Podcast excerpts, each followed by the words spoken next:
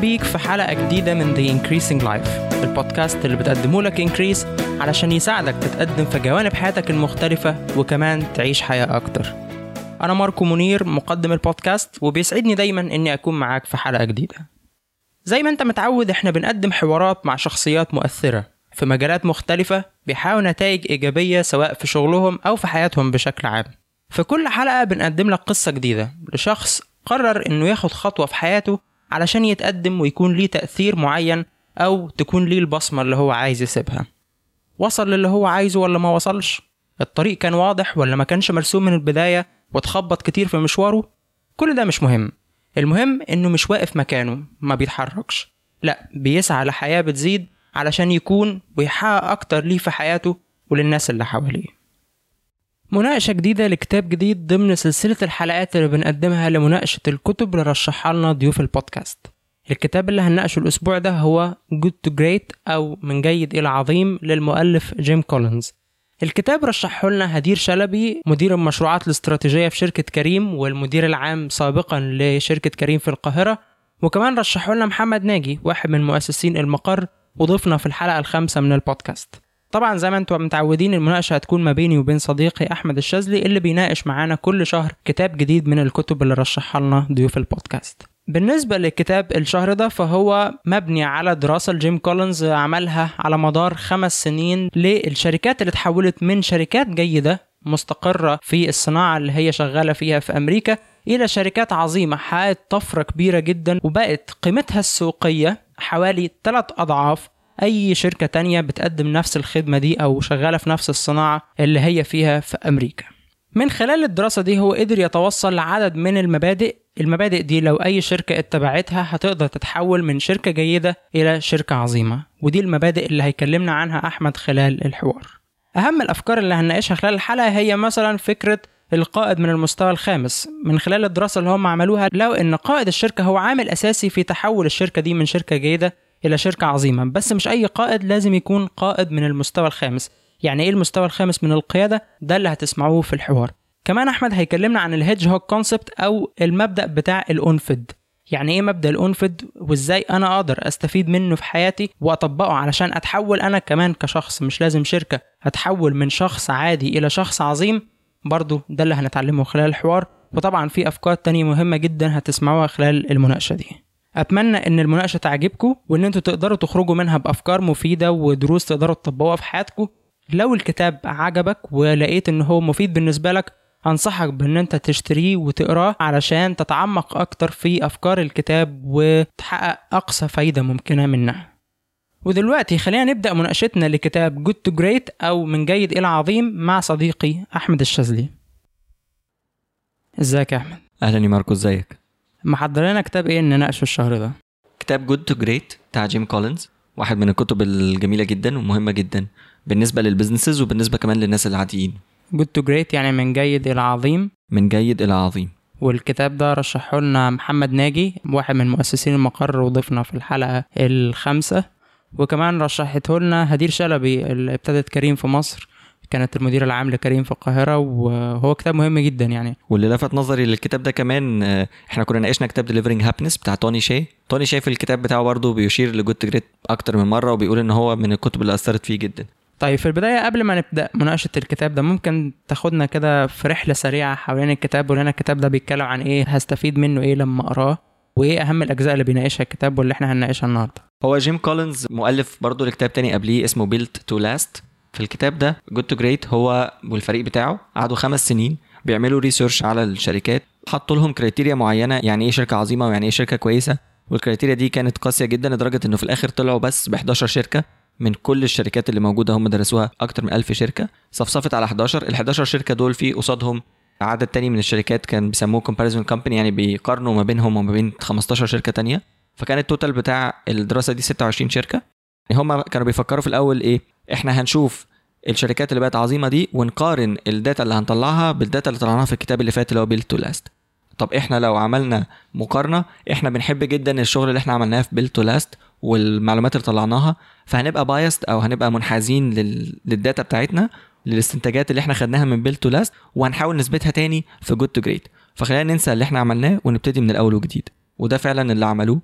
وابتدوا يشوفوا المواصفات بتاعة الشركات دي وإيه اللي بيخليهم ينجحوا أو إيه اللي بيخليهم يحققوا النتائج الكويسة اللي بيحققوها؟ فهم خدوا كمية data رهيبة وبعدين فضلوا يفلتروا ال data دي ويحاولوا يطلعوا منها ال concepts أو الجوانب المشتركة ما بين الشركات ال11 اللي خلتهم في الآخر يبقوا شركات عظيمة. يعني إيه بقى شركة جيدة ويعني إيه شركة عظيمة؟ الشركة العظيمة هي الشركة اللي قعدت على ال criteria بتاعتهم يعني اللي قعدت أكتر من 15 سنة. ال market value بتاعتها ثلاث أضعاف. قيمتها السوقية. قيمة الأسهم بتاعتها في السوق ثلاث أضعاف. القيمة العادية لأي شركة تانية في الصناعة دي. هم. ولمدة أكتر من 15 سنة علشان يتأكدوا إن السبب في في العظمة دي مش شخص أو مدير مثلا شاطر لأن غالبا 15 سنة ده بيكون المدير خلاص اتغير يعني أو كده. فشركة جيدة دي يعني شركة كويسة في الصناعة بتاعتها دي مستقرة والكلام ده بس مش شركة عظيمة. آه شركات ناجحة عادي بس مش مش بت meet ال criteria بتاعتهم أو مش بتوافق المعايير اللي هم حاطينها للشركة العظيمة. الشركة العظيمة زي ما أنا قلت كده الشركة بقى الجيده أقل منها. ممكن مثلا تكون قيمتها السوقية مثلا اتنين ونص فدي بالنسبة لهم good مش great company مش عارف يعني حاجة فهمتها وانت قول لي صح ولا غلط كده هو بيتكلم على مرحلة معينة هو مش بيتكلم على الشركة بشكل عام. يعني هو بيدرس ال 15 سنة دول ففي ال 15 سنة الشركة دي عظيمة. مش شركة عظيمة يعني مثلا شركة عمرها 100 سنة وهي شركة كبيرة مثلا الشركات الكبيرة اللي إحنا عارفينها مثلا. حتى أنا عارف الكتاب إن هو بيتكلم على شركات عظيمة جدا مثلا زي جنرال الكتريك فجنرال الكتريك بالنسبة له ما كانش شركة عظيمة. لأن في ال 15 سنة اللي هو بيدرس فيها دي ما قابلتش المعايير اللي هو حطها. مظبوط؟ بالظبط. قدرت تحافظ على النتائج بتاعتها فترة طويلة جدا من الزمن والنتائج بتاعتها دي كانت نتائج أكبر بكتير من المنافسين بتوعها أو من الطبيعي. ومش شرط إن هي بقت دلوقتي هي great company معنى كده إن هي هتفضل great company على طول. هو أشار للحتة دي. إن أنت توصل للعظمة دي حاجة وبعد كده إنك أنت تحافظ عليها دي حاجة تانية. لأنه بيقول إنك لو تخليت عن واحد أو أكتر من ال principles اللي إحنا هنقولها في الكتاب ده أنت already عظيم أهو بس أنت رجعت تخليت عن ال principles دي أو عن المبادئ دي فبترجع لورا ما بتفضلش ثابت في مكانك. تمام. تعالى نبدأ بقى بالمبادئ بتاعه العظمة دي إزاي أتحول من جيد لعظيم. وخلينا برضو نوضح للناس إن المبادئ دي تنطبق على الشركات آه أو هو بيتكلم على الشركات بس كمان تنطبق على الأفراد. يعني ممكن لو طبقت المبادئ دي في حياتي وتعاملت مع حياتي ونفسي كشركة وأنا المدير التنفيذي ليها أقدر أوصل برضو من الجيد للعظمة. بالتأكيد. هو الكتاب هقسمه ثلاث أجزاء أو ثلاث حتت رئيسية. أول حاجة أنت محتاج تكون معاك الناس الصح وتفكر أفكار صح علشان تاخد اكشن صح. فالناس الصح دي هنتكلم عليها والأفكار الصح يعني إيه؟ والاكشن الصح دي تاخدها إزاي؟ دول الثلاث أجزاء. فبيبتدي بالناس الصح. زي ما قلت في الأول هو مش عايز يحط وزن على ال leader بتاع الشركة أو ال CEO بتاع الشركة دي وإن الراجل ده هو السبب في إن الشركة بقت عظيمة أو كده. بس لما جمعوا ال data وقعدوا يبصوا عليها ويشوفوا المشترك ما بين ال 11 شركة لقوا دور كبير للل leader في إن هو يتنقل من جيد إلى عظيم. اضطر يعني رغم إن هو ما كانش عايز أصلا يحط ده في الموضوع لكن اضطر ال data بتقول له الأدلة بتقول له لأ هو لازم يكون ليه دور. في قائد اسمه هو سماه كده level 5 leader أو قائد من المستوى الخامس. القائد من المستوى الخامس ده عامل أساسي في إنك تبقى شركة عظيمة أو تتنقل من شركة جيدة لشركة عظيمة. إيه القائد من المستوى الخامس ده؟ ليه صفتين. الصفة الأولانية هي تواضع والصفة الثانية إرادة من حديد لإن هو يعمل الحاجة اللي المفروض تتعمل. هنشبهها بحاجة بسيطة كأنك عندك مراية وشباك. القائد الأقل منه اللي هو مش مستوى خامس رابع أو أي حاجة تانية بيبص في المراية لما تكون حاجة كويسة حصلت يبص لنفسه ويقول إيه؟ أنا عملت دي أو أنا قدرت أقود الشركة للنقطة دي. طب لو حصلت حاجة سلبية أو محتاجة تحمل مسؤولية يبص في الشباك بقى يقول لك لا ده الظروف وحشة ده الناس اللي معايا هم اللي مش كويسين كلام من ده. يرمي اللوم على حد تاني. القائد من المستوى الخامس عنده العكس بيبص في المراية لما يكون في حاجة محتاجة مسؤولية يقول لك لا أنا اللي غلطان ودي كان بسببي الوقعة دي. لكن لو حاجة كويسة حصلت فبيبص في الشباك بقى ويقول لك أنا محظوظ جدا الناس اللي معايا كانوا كويسين إحنا كنا في فترة مثلا محظوظة وهكذا. فدي صفات القائد المستوى الخامس وده لازم يكون موجود في أي شركة عايزة تبقى عظيمة. أي قائد تاني من مستوى تاني بتلاقي ممكن الشركة حققت نتائج كويسة آه تحت قيادته بس بعد ما بيمشي ويسيب الشركة الشركة بتقع بعديه. ليه؟ لأنه ما بناش ما بناش التيم اللي معاه أو ما بناش ال- القادة اللي تحت منه على إن هم يقدروا يتحملوا المسؤولية بعديه. إنما القائد المستوى الخامس بيبقى العكس الشركة بتفضل تحقق نتائج كويسة حتى بعد ما هو يمشي. يبقى أول حاجة أنت محتاج قائد من المستوى الخامس تاني حاجة القائد ده محتاج يبقى معاه الناس الصح. فريق العمل الصح يعني. فريق العمل الصح. دلوقتي أنت راكب أتوبيس. أو الشركة دي يعني عبارة عن أتوبيس وهو عايز يسوق الأتوبيس ده لمكان معين. السؤال مش أنت عايز تودي الأتوبيس فين السؤال أنت معاك مين الأول في الأتوبيس وبعد كده اقعدوا اتفقوا بقى هنعمل إيه. يعني جمع الأول الفريق المظبوط كل واحد يتحط في مكانه الصح ويكونوا الناس دول هم الناس الصح. وبعد كده ابقوا اتفقوا هتعملوا إيه بالشركة دي. إحنا بقى هنروح فين يا جماعة؟ بس الأول تجيب الناس يعني مش الأول تسأل أنا عايز أروح فين وبعد كده تشوف مين ممكن يساعدك في الموضوع ده. الأول تجيب الناس اللي ممكن يساعدوك وبعد كده تسأله هنروح فين. فالمقولة المشهورة يعني الشركة مكونة من أفراد والأفراد هم أهم حاجة في الشركة. جيم كولينز بيقول لا غلط مش الأفراد هم أهم حاجة. الأفراد الصح هم أهم حاجة في الشركة. تمام. فأنت تجيب الناس الصح على الأتوبيس وتنزل الناس الغلط من الأتوبيس وبعد كده تبتدي تسوق الأتوبيس وتشوف هتوديه فين. الشركات بتواجه مصاعب وبتواجه مشاكل في النص. غالبا القائد بيفكر في إيه أو مدير الشركة؟ إن أنا أحط أحسن واحد عندي في أصعب مشكلة. عشان يحلها لي. جيم كولينز بيقول لك لا حط أحسن واحد عندك في أكبر فرصة عندك. يعني لو أنت عندك فرصة معينة الفرصة دي ممكن تجيب لك عائد أفضل بكتير وخلي أفضل واحد عندك يروح للفرصة. ماشي ممكن نوضح الفكرة دي أكتر إن أنت بتتكلم على التعامل مع الفرص والاهتمام بيها بشكل أكبر يعني بمعنى تاني الاهتمام بالمكسب. خلاص وعدم ال- إن أنا ما أديش للمشاكل أكبر من حجمها. يعني هو ضرب مثال مثلا بشركة فيليب موريس. ففيليب موريس كانت زمان 99% من شغلهم جوه أمريكا و1% من الشغل international دلوقتي Philip Morris أكبر شركة بتبيع تبغ على مستوى العالم. اللي حصل إيه؟ إن الرئيس بتاع Philip Morris ساعتها أو ال CEO جاب واحد اشطر كان هو اللي مسؤول عن ال 99% دول وكان هو المسؤول عن كل الشغل جوه أمريكا قال له أنت هتمسك ال 1% بس اللي بره. فالواحد في المية اللي بره ده هو الراجل ما كانش عارف يعني بيقول أنا مش عارف أنا كده اترقيت ولا أنا كده اترميت في الشارع ولا إيه؟ ما أنا خلاص بعد ما كنت بدير الشركة كلها ما بقتش بدير حاجة بقيت بدير صفر تقريبا. الواحد في المية ده دلوقتي هو اللي كبر Philip Morris وخلاها تتنقل إن هي تبقى great company يعني الشخص ده قدر يكبر الواحد في المية على الآخر لأن الفرصة كانت أوسع بره من جوه. يعني حسب برضو ما فهمت من الكلام ده إن أنت حط الراجل الكويس ده أو الفرد الكويس في المكان اللي هو يبدع ويكبر فيه مش اللي هو بيقوم بالشغل الروتيني اللي هو بيتعامل مع مشاكل وحاجات إصلاحات يعني بسيطة ممكن أي حد تاني يتعامل معاها. مش محتاج النوع ده من الإبداع والتفكير المختلف علشان تكبر. صح تمام مظبوط؟ كده. ماشي إحنا كده اتكلمنا عن الجزء الأولاني اللي هو بتاع الناس الصح. الناس الصح. فريق العمل الصح من قائد للفريق وكمان أعضاء في الفريق ده. تمام هو بيسميهم كده disciplined people. يعني ناس منضبطين. ناس منضبطين. الناس المنضبطين دول بقى محتاجين يبقى عندهم disciplined thoughts أو أفكار منضبطة. الأفكار المنضبطة دي عبارة عن إيه؟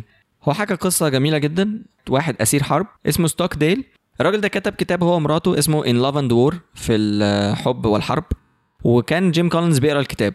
ف وهو قاعد بيقرأ الكتاب وعارف نهاية القصة ستوكديل في الآخر يعني هو هينجو من الأسر وهيبقى حاجة عظيمة جدا.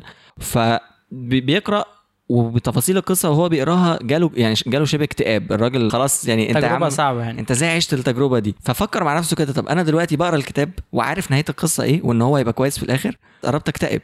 هو بقى وهو عايش القصة وما كانش كمان عارف نهايتها إيه. كان بيفكر إزاي. المهم قابله وبيتكلم معاه فبيسأل ستوك ديل ده بيقول له أنت كنت بتفكر إزاي ساعتها؟ قال له أنا كنت متأكد إن أنا في الآخر هنجو بشكل ما من الأشكال. إمتى معرفش إزاي معرفش بس في نفس الوقت وهو جوه السجن كان بيعمل إيه؟ كان قاعد يعني عارف إن هو مسجون وبيحاول يخترع طرق علشان يحتمل التعذيب وابتدى يعلم كمان زمايله في السجن إن هم إزاي يقدروا يحطوا نفسهم أهداف في التعذيب. يعني أنا بتعذب بعد كام دقيقة هبتدي أتكلم أقول كلام قد إيه. عشان أخفف الضغط على نفسي يعني. علشان أخفف على نفسي الضغط ويبقى عنده حاجة يسعى ليها ومنتظرها. فبقوا بيستحملوا التعذيب بشكل أفضل.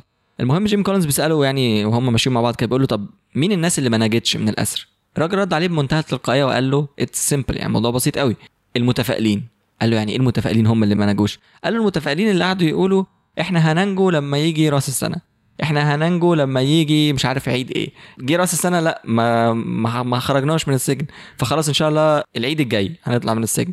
ما طلعوش برضو العيد الجاي. طب العيد اللي بعده هنطلع من السجن. ما طلعوش العيد اللي بعده. فضلوا يخيب املهم يخيب املهم يخيب املهم كذا مرة يتصدموا يعني لغاية ما يئسوا وماتوا في السجن. هو ما كانش كده. كان بيواجه التحدي اللي قدامه وعارف إن هو في مشكلة وما يعرفش يطلع منها إمتى بس كان عنده إحساس داخلي أو يقين داخلي إن هو هينجو في الآخر.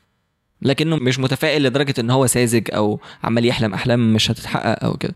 إن أنت تبقى بتواجه الواقع الأليم بتاعك ده لكن في نفس الوقت أنت عارف إنك أنت في الآخر هتنجو. يعني هو عنده اليقين وفي نفس الوقت هو بياخد الخطوات بتاعه الوقت الحالي بس. مش مهتم بالوسيلة اللي أنا هنجو بيها هي عاملة إيه ولا إن هو يحط لنفسه وقت علشان ما يحسش بإحباط لو الوقت ده جه وهو لسه ما نجاش. لكن هو في النهاية واثق إن هو هينجو. إزاي؟ ما يعرفش بس هو هينجو. وبيشتغل على اللي هو يقدر يعمله في اللحظة دي. وبيقول لك ما تخلطش ما بين الإيمان بإنك أنت تنجو وما بين الحلم أو التفاؤل الزيادة عن اللزوم بإنك أنت هتنجو بكرة الصبح. يعني ما تخليش الإيمان بتاعك ده بإنك أنت في الآخر هتكسب ينسيك بقى إن أنت أصلا دلوقتي خسران وإن أنت أصلا دلوقتي واقع في مشاكل لازم تحلها. فأنت تواجه المشاكل اللي أنت فيها أو الواقع بتاعك. يعني خليك متفائل إن أنت هتنجو بس بالطريقة اللي خلينا نقول الطريقة اللي ربنا شايف إنها أنسب ليك إن أنت تنجو بيها. ما تفرضش على ربنا طريقة معينة. ماشي ممكن تقول كده. تمام. فالشركات العظيمة كانت بتفكر بالطريقة دي لما كانت عندها مشاكل وكانت واقعة في أوقات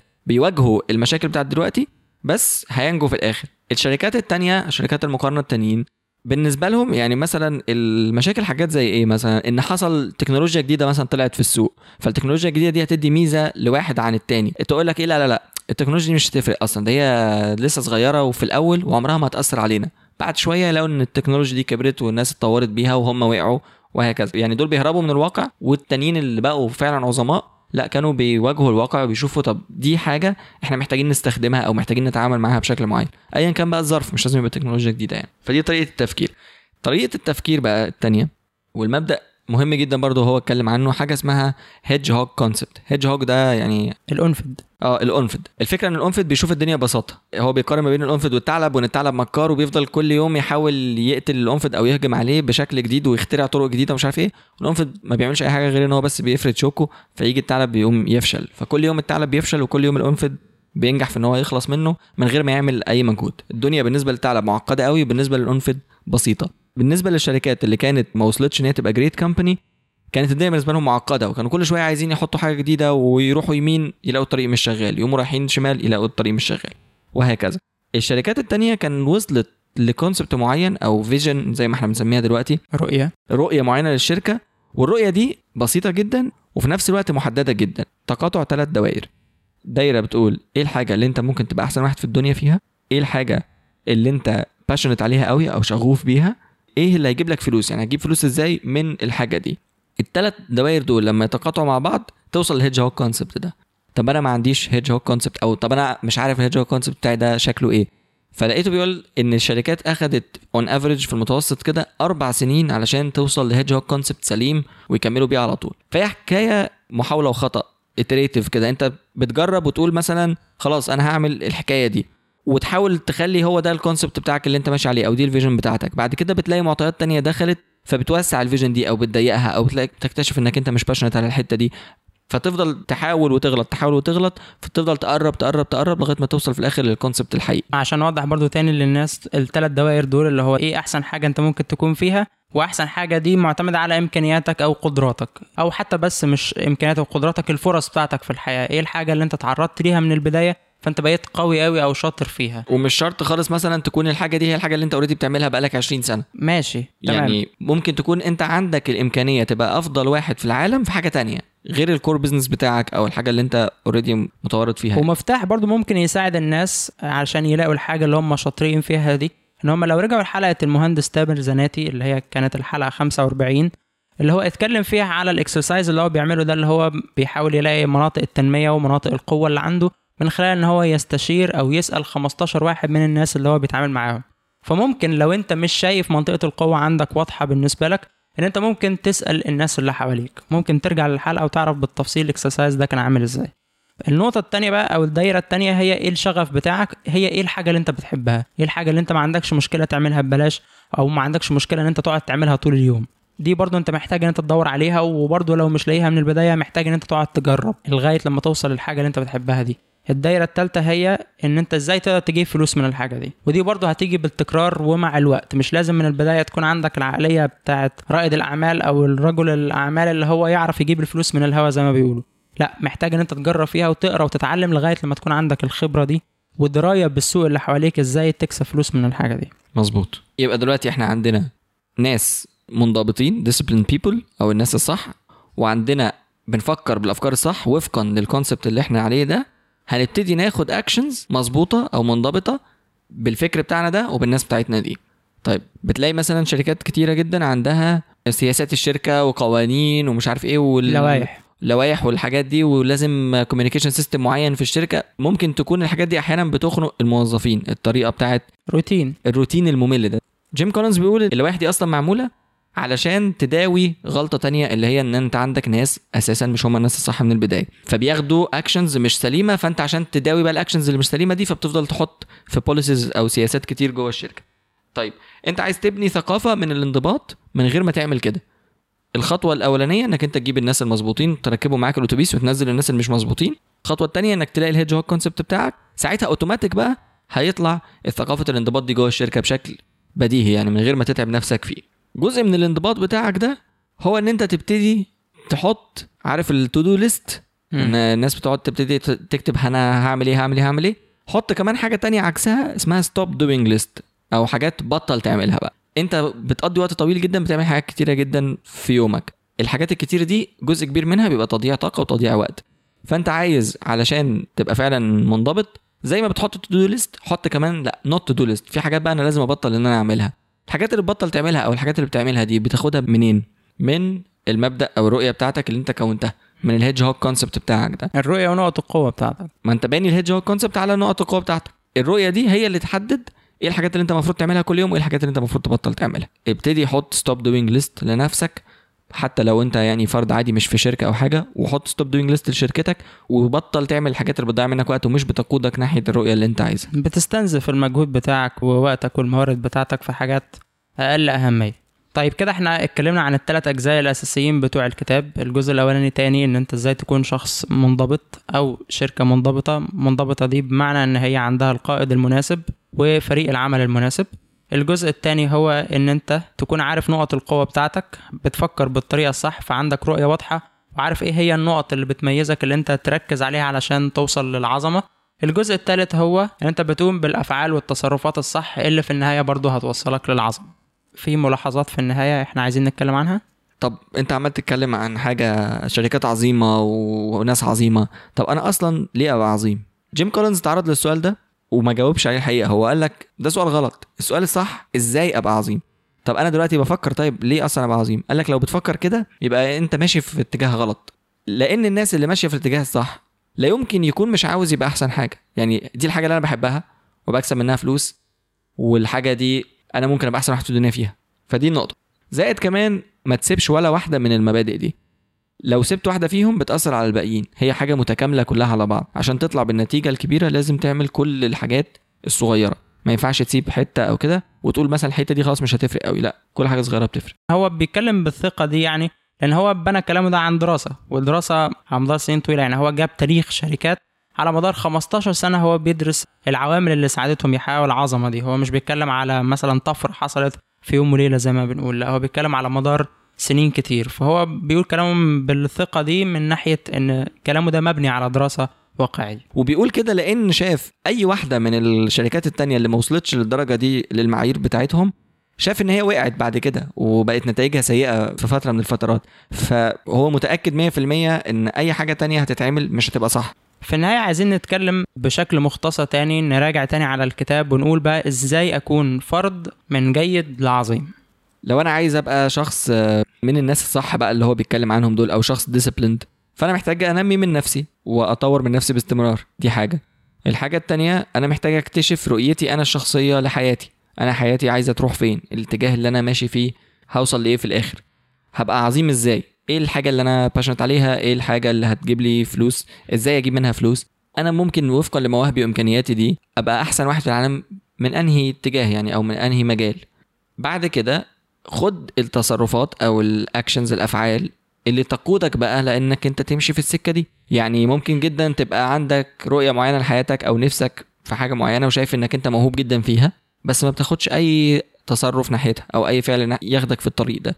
ابتدي خد الاكشنز دي وابتدي طبق الحاجات اللي أنت بتتعلمها كل يوم والحاجات اللي أنت اتعلمتها من قرايتك للكتاب ده لما تقراه. هتلاقي نفسك بتتنقل لأنك أنت من شخص عادي لشخص جيد وبعد كده من شخص جيد لشخص عظيم. السؤال اللي انت متعود عليه في نهاية مناقشة كل كتاب تقيم الكتاب ده بكم من عشرة؟ ونفس الإجابة اللي أنت متعود عليها في كل حلقة هقيمه بعشرة من عشرة. بس المرة دي هقيمه بعشرة يعني كل مرة بيبقى فيه أسباب مختلفة. يعني. المرة دي عشرة من عشرة لسببين. أولا كمية ال data اللي موجودة في الكتاب ده مهولة. كتاب فيه graphs فيه جداول مقارنة ما بين الناس وإنك تدرس 26 شركة على مدار 15 سنة و26 شركة دول هم ما جوش كده بقوا 26 هم كانوا 1000 وحاجة وبعدين نزلوا مش عارف 400 وكام وبعد كده فضلوا ينزلوا فلتر ورا فلتر لغاية يعني بذلوا مجهود رهيب في جمع ال data أساسا. وبعد كده بقى إنك تجمع من ال data دي كلام ليه لازمة يعني يطلع كلام الناس تفهمه. أنا شايف إن دي يعني حاجة صعبة مش عارف هو عملوها إزاي يعني. والكتاب في الآخر لما تقراه هتلاقيه كتاب بسيط جدا.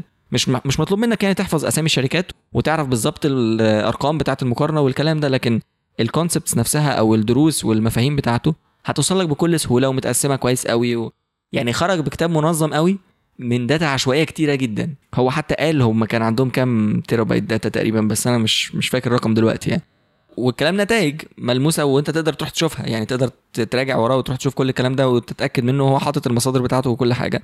فطبعا مجهود يستاهل 10 من 10 طبعا. حاجة أخيرة تحب تقولها؟ ما تكتفيش بالحلقة الحلقة دي كمان يعني ممكن لأن الكتاب مليان حاجات كتيرة أجنبية وأرقام كتير جدا وجداول وكده فصعب إنك أنت تتناقش فيها في حلقة صوت يعني. فبشجع جدا يعني الناس تقراه لأنه فعلا كتاب جميل وممتع وهتستمتع قوي وأنت بتقراه وماشي في الدروس بتاعته يعني. تمام بشكرك يا أحمد جدا على المجهود وعلى القراية دي وبستمتع يعني بالحلقات اللي بتبقى معاك اللي بنناقش فيها الكتب. وعايز أقول للناس إن إحنا خلاص بقينا مثبتين الميعاد بتاع مناقشة الكتاب. بقت حلقات الكتاب إن شاء الله بتنزل آخر جمعة من كل شهر. فإن شاء الله يستنوا آخر جمعة من كل شهر كتاب جديد بنناقشه. إن شاء الله نتقابل الشهر الجاي مع الناس بنناقش كتاب جديد. إن شاء الله. شكرا يا ماركو. كل الأسماء والكتب وال link ات اللي اتكلمنا عليها خلال الحلقة هتكون متاحة من خلال ال show notes على موقعنا increaseeg.com forward slash 46 لو عجبتك الحلقة دي ما تفوتش الحلقات الجاية لأن لسه عندنا حلقات مميزة وقصص أكتر هنشاركك بيها. أفضل طريقة تسمع بيها البودكاست هي من خلال تطبيقات الموبايل المخصصة للبودكاست لو أنت بتستخدم iOS هتلاقي على الموبايل application اسمه بودكاست تقدر تسمعنا من خلاله. ولو أنت بتستخدم أندرويد هتلاقي على Play Store application اسمه Podcast Addict سواء كان بودكاست أو Podcast Addict لو عملت search باسم البودكاست بتاعنا وكتبت The Increasing Life هتلاقي البودكاست ظهر لك في الأول. ادخل على صفحة البودكاست واختار إنك تعمل له subscribe أول ما تبقى subscribe ال application هيبدأ إنه يتابع الحلقات الجديدة من البودكاست ويعمل لها download على موبايلك بشكل تلقائي.